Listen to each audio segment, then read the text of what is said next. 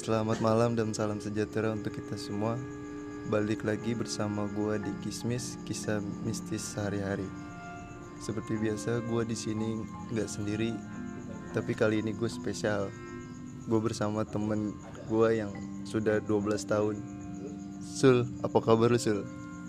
Alhamdulillah sehat brother Sebelum masuk ke cerita, gue mau nanya dulu nih kesibukan lu nih di pandemi. Oke Ngapain aja nih? Kesibukan gue sekarang sih kerja sih Uh, kerja apa tuh kalau boleh tahu tuh? Kerja di toko gitu Toko nasi apa? kulit Oh, toko nasi kulit. Jadi apa? Chef.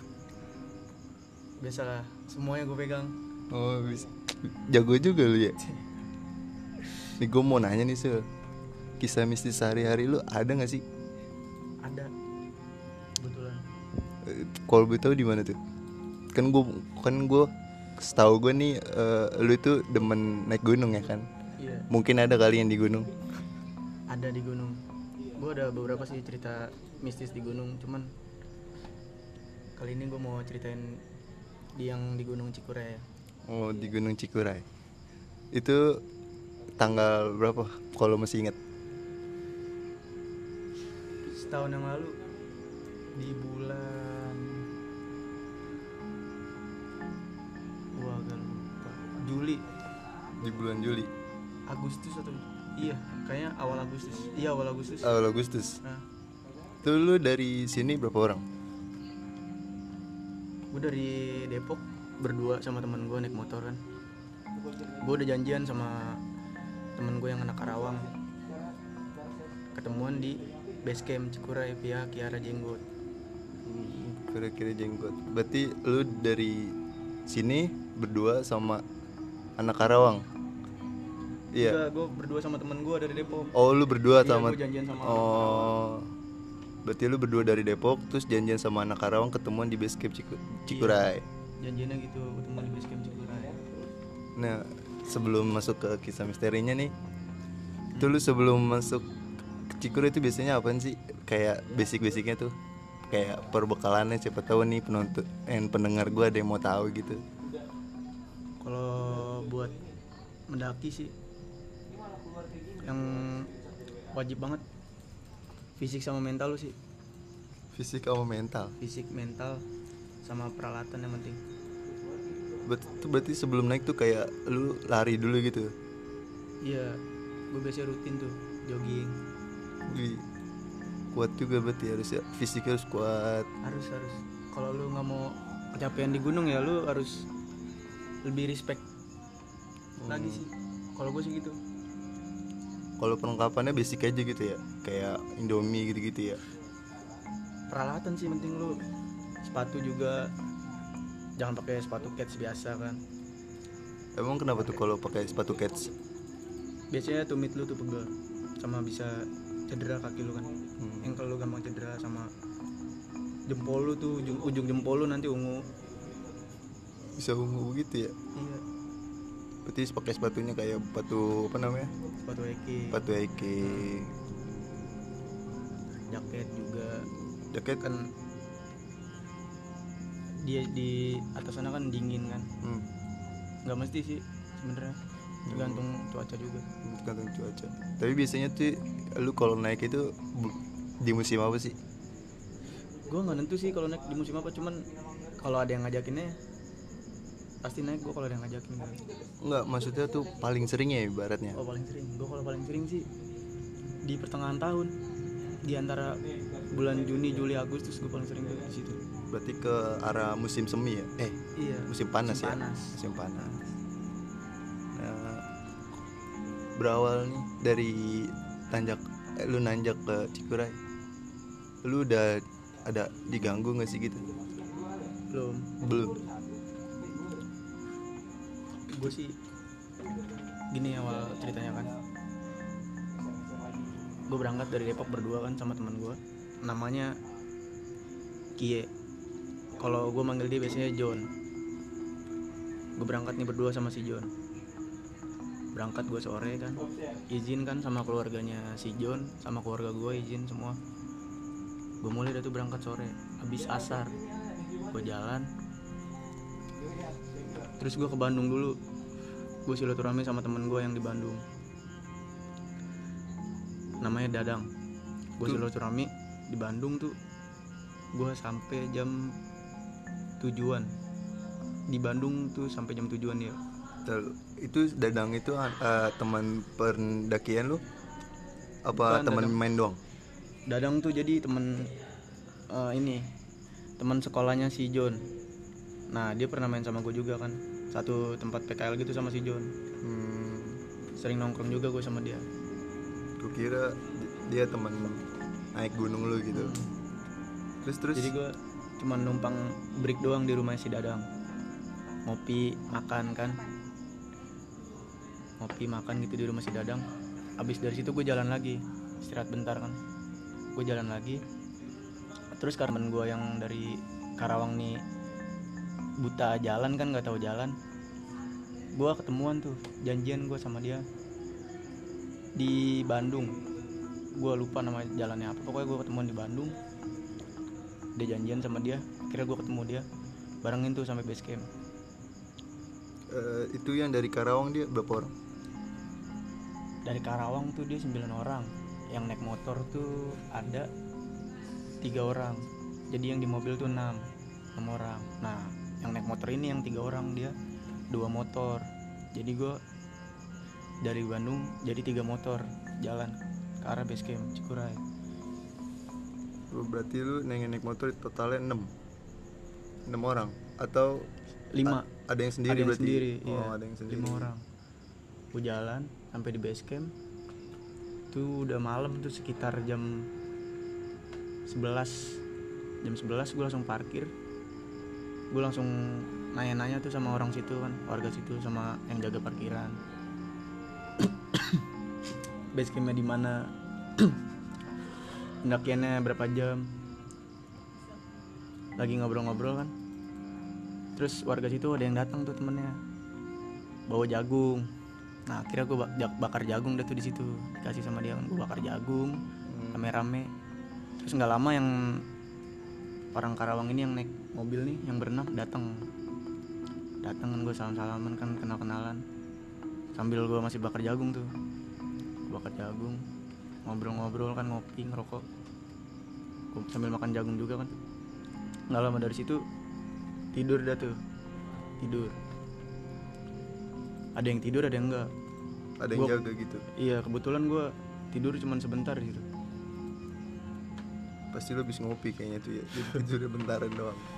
Biasa kan anak muda kan biarin anak orang-orang tua yang pada istirahat kan. Eh, anak muda yang pada jaga situ. Jiwa lu masih muda buat kayaknya ya. Muda banget brother. Terus? Di situ juga kebetulan kan banyak pemulanya. Pemulanya tuh ada sekitar empat orang. Empat atau li, empat atau lima. Iya empat orang pemulanya lima lima lima. Lima orang pemulanya di situ kan. Nah gue kan ketemu sama anak Karawang ini sembilan orang. Jadi gue sebelas orang nih ngawalin pendakian kan pagi itu gue ngawalin pendakian tuh pagi jam 6 gue udah prepare semua kan. Udah sarapan juga sama pemanasan. Situ gue langsung ke base camp daftar kan registrasi. Per orang tuh sekitar 15.000 ribu nggak salah. Iya sekitar 15.000 ribu. Gue daftar 11 orang. Kebetulan gue situ dibayarin tuh sama orang Kerawang. Gue kalau manggil dia Pak Korlap karena dia yang bawa orang sana kan. Hmm, umur dia sekitar 30-an 35 ke atas gitu umurnya. Gue jalan jam setengah tujuh gue via Kiara Jenggot jalan setengah tujuh tuh udah mulai jalan. Sampai pos 1 tuh sekitar jam 9 itu agak ngaret tuh sebenarnya sampai jam 9 harusnya tuh setengah 9 udah sampai. Oh seharusnya setengah Iya. sembilan. Harusnya kan perkiraan kan dua jam. Nah di situ kenapa ngaret? Karena ada si pemula yang disuruh bawa logistik dia pemula disuruh bawa logistik yang gue bilang sih gila lumayan gila sih lumayan berat. Kenapa lumayan berat? Karena pas gue buka tasnya dia disuruh bawa beras 3 liter sama logistik mereka tuh. Makanan-makanan yang lain kan sama baju-baju dia. Terus pas gue buka tasnya kan gue bilang gue tanya langsung orangnya ah ini lu dari tadi bawa beras segini? Gue tanya gitu kan. Dia bilang iya. Ya udah gue ambil nih seliter. Gue ambil seliter gue ambil lagi seliter gue kasih teman gue nih si John ini kan. Hmm. gue kasih si John seliter gue bawa seliter. Padahal gue di situ udah bawa barang. Keperluan lu sendiri. Iya keperluan gue berdua sendiri tuh yang dari Depok kan. Hmm. gue nggak bagi-bagi barang-barang ke mereka-mereka. Soalnya kan gue berangkatnya kan udah beda kan. Cuman di situ jadi satu kelompok kan iya. Kira gue bawain berasnya walaupun tas gue 20 tuh. Gue taruh gue masukin. Udah tuh dia jalan lagi tuh akhirnya. Setelah dari situ tuh baru tuh dia cepet. Gue agak lupa tuh namanya. Pokoknya gue kalau manggil A aja sama dia tuh. Hmm. dia jalannya jadi agak cepet gitu jadi seolah-olah jadi nggak keberatan gitu. Nggak capek ya? Iya karena bawa barang bawaannya berkurang juga kan. Gue sampai di pos 1 terus gue langsung makan di situ. Makan siang. Oh, lu pas makan siang nyampe sana jam berapa tuh? Kalau masih inget itu jam 9 Jam jam 9. 1 di pos 1 Di pos satu jam 9? iya. jam 9 tuh udah langsung minta makan tuh mereka. Karena ada pemula juga kan mungkin.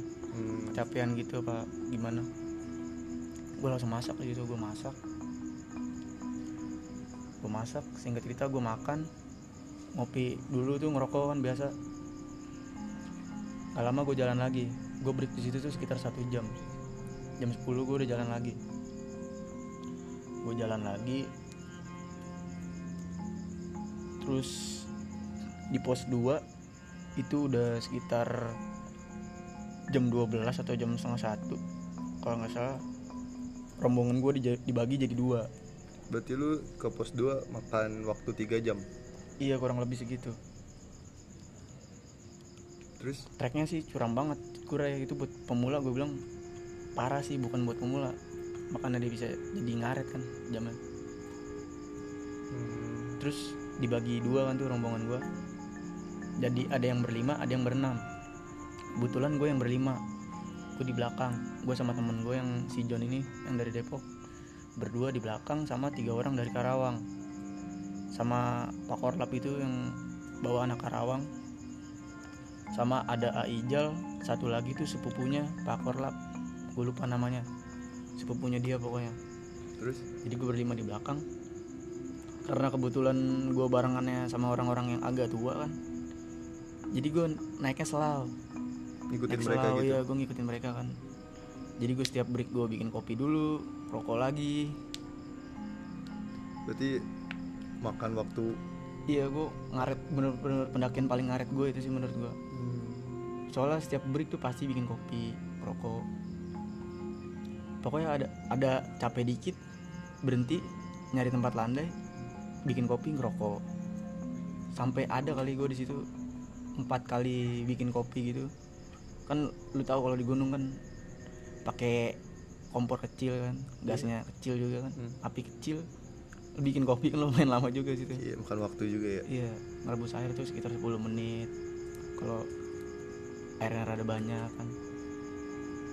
Jadi gue buang-buang waktu di situ tuh. Dan rombongan gue yang di belakang ini lupa nih kalau yang enam orang ini udah jalan duluan kan. Karena terlalu santai kan. Gue udah janjian tadinya di pos 5 ketemuan lagi. Tungguin kita di pos 5. Pas gue sampai eh di pos 4 sorry di pos 4 pas gue sampai pos 4 ini rombongan yang duluan nggak ketemu. Gak ketemu? Iya nggak ketemu. Karena udah mulai mau malam kan gue juga bingung tuh situ. Mereka kok malah duluan kan? Bukannya harusnya nungguin aja gitu kan soalnya udah mau gelap. Hmm. di situ gue punya pikiran apa gue duluan jalan nih ya kan? Karena mereka udah pada ngaret kan jalannya. Hmm. jadi gue buat ngejar yang rombongan pertama. Gue niatnya gitu gue pengen ngejar rombongan yang pertama pengen bilang tungguin di sini gitu. Jadi gue stopin lah ibarat kata rombongan pertamanya Iya. biar bareng. Soalnya kalau udah gelap kan riskan juga kalau bisa-bisa. Iya. susah nanti nempuinnya lagi kan. Di situ karena udah mau mulai gelap tuh di pos empat setengah enaman jam limaan lah setengah enam itu kayaknya ya. Udah mulai gelap soalnya. Kabut udah pada turun juga kan.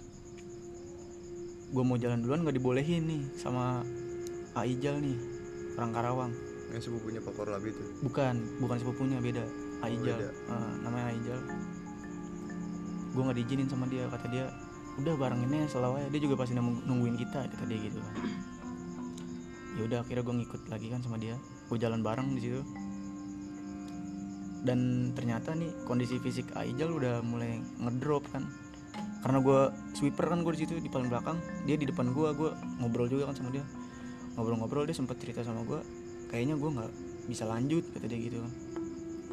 Gue bilang paksain lagi dikit lagi ah dikit lagi pos 6 kok gue gitu. Sebenarnya kita punya eh, planning tuh mau ngecamp di pos 7 karena waktu yang nggak dapet kita jadi ngecamp di pos 6 pos 6 singkat cerita gue sampai di pos empat setengah tuh ada pokoknya ada landai gitu gue di situ nyari sinyal sama temen gue buat buat ngabarin. ngabarin yang rombongan yang pertama. Hmm. alhamdulillahnya di situ sinyal ada.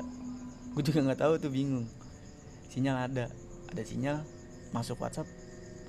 Terus yang orang Karawang tuh sepupunya itu langsung minta tungguin kan minta tungguin tungguin di pos 5 gitu kan. Soalnya udah mau gelap. Nah akhirnya mereka nungguin di pos 5 karena mereka ngerit WhatsApp kita gitu kan yang belakang rombongan yang belakang gue jalan di pos 5 ketemu dan nih ya kan. Jadi bareng lagi 11 orang lagi. Jadi gue jalan lagi bersebelas. Tapi kondisi fisik si Aijal ini udah semakin turun tuh. Udah mulai semakin ngedrop. Udah mulai semakin ngedrop. Gue liatin juga udah pucet ya kan. Kedinginan dia sampai minjem sarung tangan gue tuh yang rada tebel. Gue kasih gue pinjemin sarung tangan gue jalan lagi jalan. Sampai di pos 6 itu maghrib gue berhenti di pos 6 maghrib. Gue berhenti di situ. Gue bikin tempe goreng sama sosis gue potong-potong gitu. Dan temen gue ngerebus air kan di situ buat bikin teh sama kopi. Temen gue airnya udah mateng kan. Gue ngeteh lagi. Gue sambil goreng nih. Sambil jadi iya sambil ngeteh sambil ngeliatin kondisi si Aijal juga nih gue liatin. Ngeteh. dia udah kayak orang gejala hipo. Kalau gue bilang kalau kenapa gejala hipo? Dia udah lu tau orang yang menggigil yang kenceng banget tuh tangannya. Geter parah pokoknya tangannya. Ini sebelum lanjut nih kan masih banyak yang nih belum tahu hipo itu apa. Biar lu bisa jelasin gak itu hipo, hipo itu apa sih? Gue sih penyakit paling ngeri sih di gunung itu timbulnya dari kedinginan biasanya. Tapi badan lu biasanya panas tuh.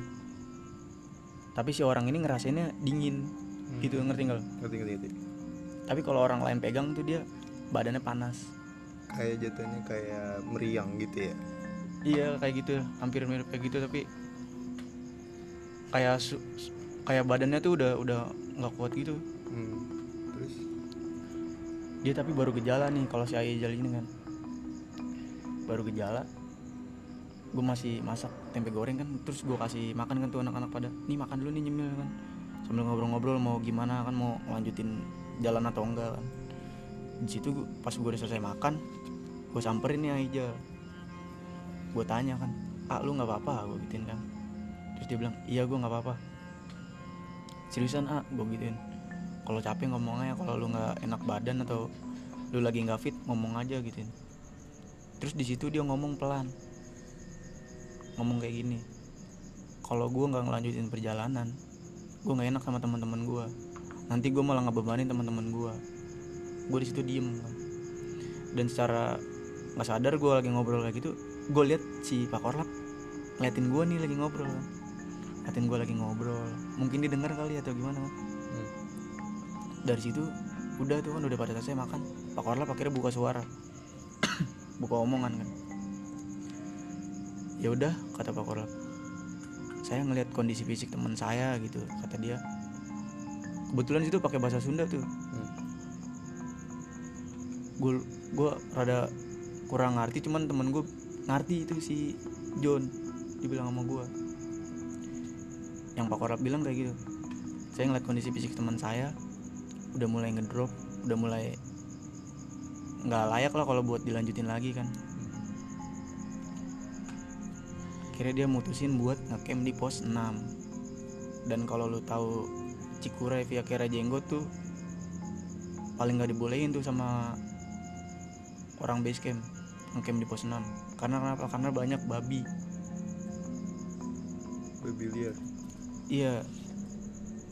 Bagas kalau terkenal lah babi ganas. Kalau para para pendaki tuh kan.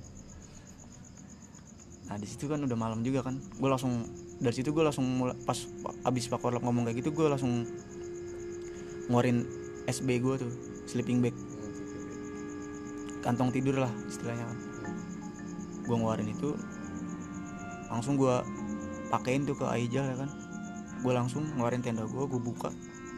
Gue minta bantuin sama temen gue ayo langsung dirin tenda gue buru-buru kan gue dirin tenda selesai gue masukin matras.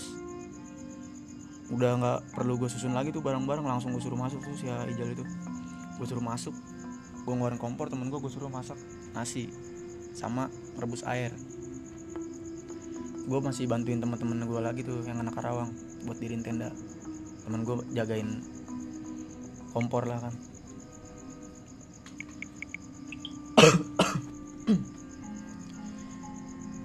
terus dia udah selesai tuh masak air langsung tuh dibuatin teh. Panas banget tuh. Gue suruh minum langsung si Aijal ini kan. Nggak melepuh itu. Iya mau gimana lagi kan? Orang udah kayak gitu gue takutnya malah jadi makin jadi pokoknya hmm. sama bagusnya lagi ini Pak Korlap untungnya untungnya bawa blanket emergensi tuh. Dia bawa blanket emergensi gue langsung pakein ke Aijal. Cuman si Aijal ini nggak mau. Dia pakai di dalam. Harusnya kan blanket emergensi itu makainya di dalam. Langsung nempel sama kulit lo gitu. Hmm. jadi dia jadi blanket emergensi ini gue taruh di dalam jaket dia. Jaket dia gue suruh lepas.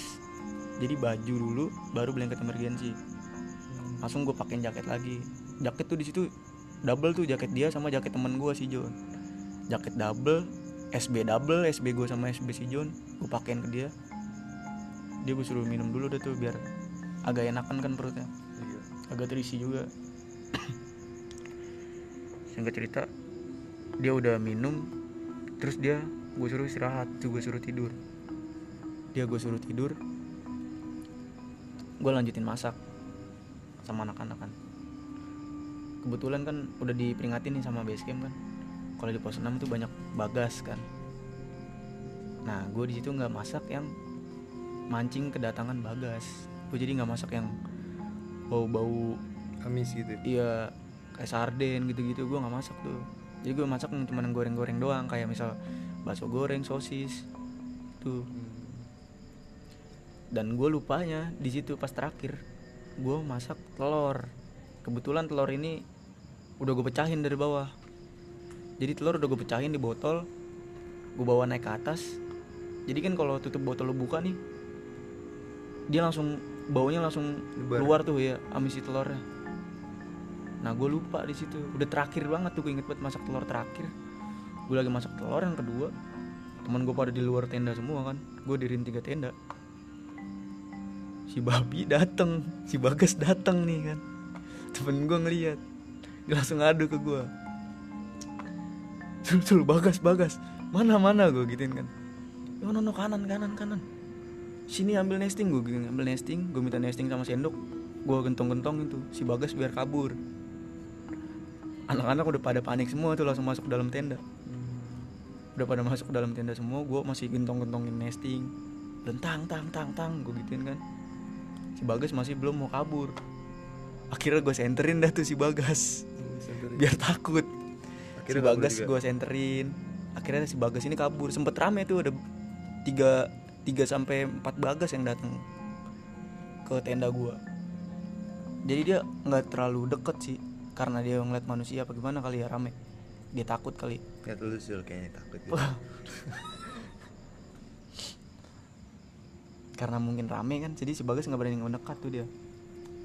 Ada tiga atau empat bagas itu di situ. Akhirnya si bagas nih cabut. Gue baru goreng sambal terakhir. Di situ gue nyambel tuh gue nggak bawa sambal yang udah jadi. Karena orang Karawang nih bawa. Logistiknya sih gue bilang lumayan mewah sih. Soalnya dia bawa ulekan segala macem. Sambelan bawa kan. Berat dong dia- Ikan. dia buku bulekan gitu ya? Ulekannya yang kecil ulekan kayu. Dengan kayu. Iya jadi nggak terlalu berat. Singkat cerita gue udah nyambel. Gue makan dah tuh. Aijal ini gue bangunin kan. Dia nggak mau makan tapi pas gue pegang badannya sih udah lumayan turun tuh panasnya. Gue tanya dia udah masih dingin apa kagak juga udah nggak terlalu dingin kata dia. Tangannya juga udah nggak geter kayak yang awal yang baru datang di pos 6 tuh. Yang gue bilang dia geter kenceng banget tangannya. Di situ tangannya udah nggak geter udah mulai membaik lah keadaannya. Karena gue suruh makan dikit tuh. Dia mau tuh akhirnya makan dikit. Karena dipaksa kan sama anak-anak juga. Karena di situ udah selesai masak gue mau rapihin gue mau bersihin. Ini air udah udah menipis nih kan. Air tuh di situ udah tinggal tiga botol tuh. Tiga botol itu sedangkan puncaknya masih sekitar dua jaman. Jadi gua harus nggak pakai air ini dulu. Karena warung tuh adanya di pos 5 sama di pos 7 kalau mau beli air. Berarti lu Iya. kudu ke pos 7 dulu nih baru buat eh maksudnya baru beli beli minum gitu. Iya buat beli air. Cuman gua di situ nggak beli air. Jadi gua nggak nggak gua bersihin tuh. Piring-piring bekas-bekas gua makan. Langsung gua masukin trash bag gue iket gue taruh gue iket di atas biar si trash bag itu. Bekas makanan lu tadi. Iya sama biar eh, bau-baunya juga jauh dari tenda gua. Jadi si bagas ini nggak bakal ke tenda gua lah ya kan? Dari situ habis selesai makan gue nanya nih kan sama anak-anak gimana besok ada yang mau summit? Gue gituin kan. Summit jam berapa? Bang kata dia kan. Gue sih pengen summit jam 2 gue gituin. Kata anak-anak waduh kalau jam 2 kayaknya kita nggak pada kuat gini segala macem kan. Terus langsung di situ gue jujur aja kan gue nggak bisa lama-lama di sini gue gituin. Hmm. gue besok udah harus pulang udah harus turun kan. Jadi gue mau nggak mau gue sampai jam 2 gue gituin. Kalau ada yang mau ngikut ayo barengin sama gue gue gituin kan. Kira dari situ ada yang mau ngikut nih dua orang. Anak Karawang? Anak Karawang si Akmal sama Muhi namanya. Akhirnya udah gue tidur terus gue nyalain alarm gue bangun jam 2 nih. Eh sebelumnya su sebelum sebelum gue bangun jam 2 nih malam-malam gue nggak tahu jam berapa tuh gue dibangunin sama temen gue si John. Dia tidur kan di pojok tenda. Gue tidur di tengah kan gue tidur di tengah tangan gue ditarik dibangunin. Gue bilang apa? gitu kan pakai suara pelan. Ada bagas kata dia. Udah ngendus-ngendus deket tenda. Ya udah diem. Gue gitu diemin aja udah. Kata dia dari tadi kata Aijal juga Aijal di situ bangun tuh. Hmm, kata Aijal juga itu dari tadi bagas di sebelah tenda gituin sama Aijal ya udah gue bilang diemin aja gitu kan. Lanjut tidur lagi gue di situ. Masa bodoh lah. Gue tidur di tengah soalnya kan aman. Pantesan lu nyuruh tidur lagi karena di tengah ya? Iya. Jadi kalau diseruduk gue kan nggak kena. Terus? Singkat cerita gue tidur bangun jam 2 bangun jam 2 di situ gue langsung nyalain kompor. Langsung masak air sama rebus mie. Gue ngerebus mie di situ empat kebetulan karena gue mau samit berempat kan. Gue bangunin teman-teman gue sini keluar tenda gue gituin kan. Nyesuain suhu tubuh lu ya kan. Sama alam gue gituin. Biar nggak terlalu dingin nanti pas udah samit biar cepet panas juga badan lu. Gue paksa tuh dia pada keluar tenda. Dia udah keluar tenda gue makan ngeteh rapi-rapi tuh langsung gue naik gue bawa air tuh cuma satu botol. Dua botol gue sisain tuh buat yang di tenda? Iya buat yang di tenda. Gue cuma bawa satu botol berempat. Gue samit dengan perbekalan minim lah ya kan. Berempat satu botol aqua yang gede sama cemilan sedikit itu. Gue juga di situ berdoa dulu kan sebelum naik. Gue berdoa. Sebelum summit gue berdoa. Gue summit kebetulan gue sweeper lagi. Di situ gue suruh temen gue si John buat di depan buat buka jalan gue gituin. Karena dia juga udah sering kan naik sama gue dia juga udah paham lah ya. Iya udah naik ke mana-mana kan. Ya gue suruh buka jalan kan. Karena yang dua ini belum pernah summit jam segitu. Hmm. jadi dia gue taruh di tengah gue sweeper lagi. Gue sweeper gue tuh pakai headlamp tiga satunya center masih John gue kasih pegang center dia karena di depan kan. Center yang terang tuh yang lebar banget tuh makan lampunya. Bukanin burung. Iya tuh biasanya buat nangkap burung tuh kalau malam. Singkat cerita gue naik nih kan sampai jam 2 gue jalan. Nggak lama tuh break lagi jadi dia kayak minta break mulu temen gue nih yang dua ini. Minta break cepet banget capek. Gue turutin aja tuh kan masih. Udah dari situ baru tuh mereka gue push yang dua nih. Udah yuk jangan jangan break mulu kalau sampai malam. Nanti lu malah hipo apa gimana gue kan nggak mau aja gitu kan. Gue sih di depek sih gue bawa SB bawa SB gue sleeping bag bawa sleeping bag bawa kompor. Buat jaga-jaga ya? Iya buat jaga-jaga. Takutnya anggota gue ada yang hipo atau gimana kan badannya kedinginan kan gue buka SB nya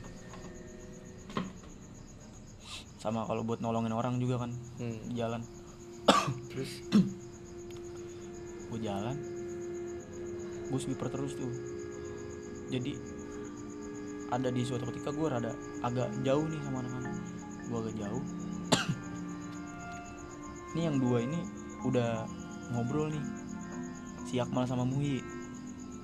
Si Akmal negor Muhi Muh lu denger nggak? Ini gue nggak tahu nih sebelumnya kan gue nggak tahu gue masih rada jauh. Hmm. Muh lu denger nggak? kata dia. Apaan? digituin kan sama Akmal. Suara ketawa digituin sama Akmal. Eh iya sama Akmal. Iya gue denger kata si Akmal terus ditanya kan sama temen gue yang buka jalur nih si John. Dia kan manggilnya si Kiki Ki gitu kan. Ki lu denger Ki? Gitu. I- si begonya si John temen gue langsung bilang iya gue denger gitu kata dia. Kalau gue di situ gue harusnya ya bilangnya enggak nggak usah nggak denger atau gimana kalian? Tuh cuman halu gitu ya? lu doang gitu kan. Soalnya takutnya down kan mental dia atau gimana. Hmm. malah nggak enak nanti kan. Terus si John nanya ke gue gue masih jauh nih gue dipanggil. Sul oi gue gituin kan. Pas udah deket dia nanya lu denger Sul? Denger apaan? Suara cewek ketawa deh gitu. Gue bilang nggak denger gue gue gituin. Padahal mah gue denger. Gue denger jelas banget. Itu suara ketawa. Kayak kik. Gimana sih? Dia manjang gitu cuman suaranya cepet hilang. enggak enggak bukan yang di satu tempat gitu. Kayak satu tempat pindah. enggak bukan. Suaranya dari satu tempat ini eh, ke tempat lain gitu. Suaranya manjang gitu gimana sih? Oh. kayak bergema. kayak bergema. Nah, iya begitu suaranya. Gue bilang gue nggak denger gituin. Udah jalan aja gue gituin. Jangan di sini gue gituin. Akhirnya mereka pada jalan. Terus nggak lama break lagi kan. Break baru di situ pada ngobrol tadi lu dengar seriusan gini gini gini gini. Iya gue dengar gini gini. Suaranya kencang banget segala macem kan. Sebenarnya itu nggak boleh tuh kayak gitu tuh. Soalnya masih di atas ya? Iya masih di atas. Takutnya teman kita mental down kan. Hmm. dari situ si Muhyi ini diem tuh di situ. Dia nggak ngobrol nggak apa. Bengong aja gitu dia? Iya dia bengong. Kayak kena stun gimana sih lu kayak ngeliat orang iya ngeliat Oh. orang diem Hmm. tuh di situ gue masih belum tahu tuh kenapa tapi pas udah gue tanya pas di bawah si Muhyi katanya ngeliat orang leher doang orang leher doang rambutnya panjang gitu agak berantakan kata dia gitu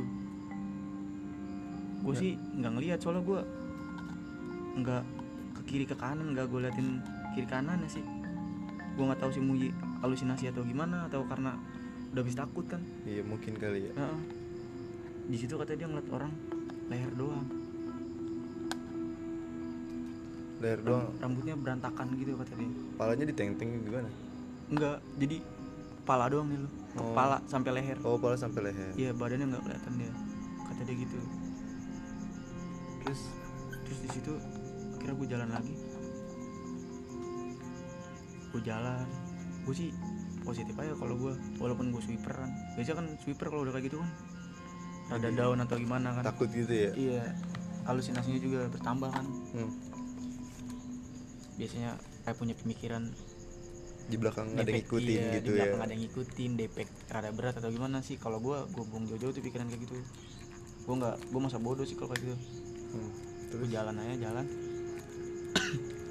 Singkat cerita gue sampai nih di pos 7 dengan air yang udah habis. Sebelum pos 6 tuh air gue udah habis tuh. Udah habis pokoknya. Di pos 6 gue kira ada warung. Ternyata di pos 6 gak ada warung. Warungnya cuma ada di pos 7 dan pas gue nyampe pos 7 gue langsung beli air kan otomatis. Hmm. karena air udah habis juga kan. Beli air tuh di situ satu aqua gede tuh 20.000 ribu tuh di situ. Yang gede ya? Iya, gue beli satu dua puluh ribu. Sama gue dikasih air panas juga tuh bebas ngambil sih gue di situ. Hmm. Sama abahnya, abah Cikure pokoknya udah pada tahu deh kalau udah pernah naik Cikure. Hmm. Jadi dia bakar satu pohon gitu kayak api unggun gitu di satu tempat. Dia sekalian manasin air tuh di situ. Jadi gue pada di situ semua tuh sambil ngangetin badan gue. Gue nyampe di situ tuh jam 5 masih dingin juga kan gue malas masih malas juga jam 5 langsung ke arah puncak masih agak lama gitu kan nungguin sunrise nya Hmm. udah di situ gue ngopi dulu ngobrol cerita cerita gue cerita banyak tuh gue sama abah. Gue nanya pantangannya di sini apa kan. Karena anak-anak juga tadi habis ngalamin mistis juga kan. Hmm. gue nanya banyak tuh sama abah. Si abah jelasin tuh pantangan di situ. Kata dia si abah mah udah lama di situ. Udah berapa puluh tahun pokoknya itu abah itu di situ. Dia ngomong pantangannya katanya nggak boleh pakai baju merah. Katanya gitu nggak boleh pakai baju merah segala macem. Jangan ngomong kasar. Hmm.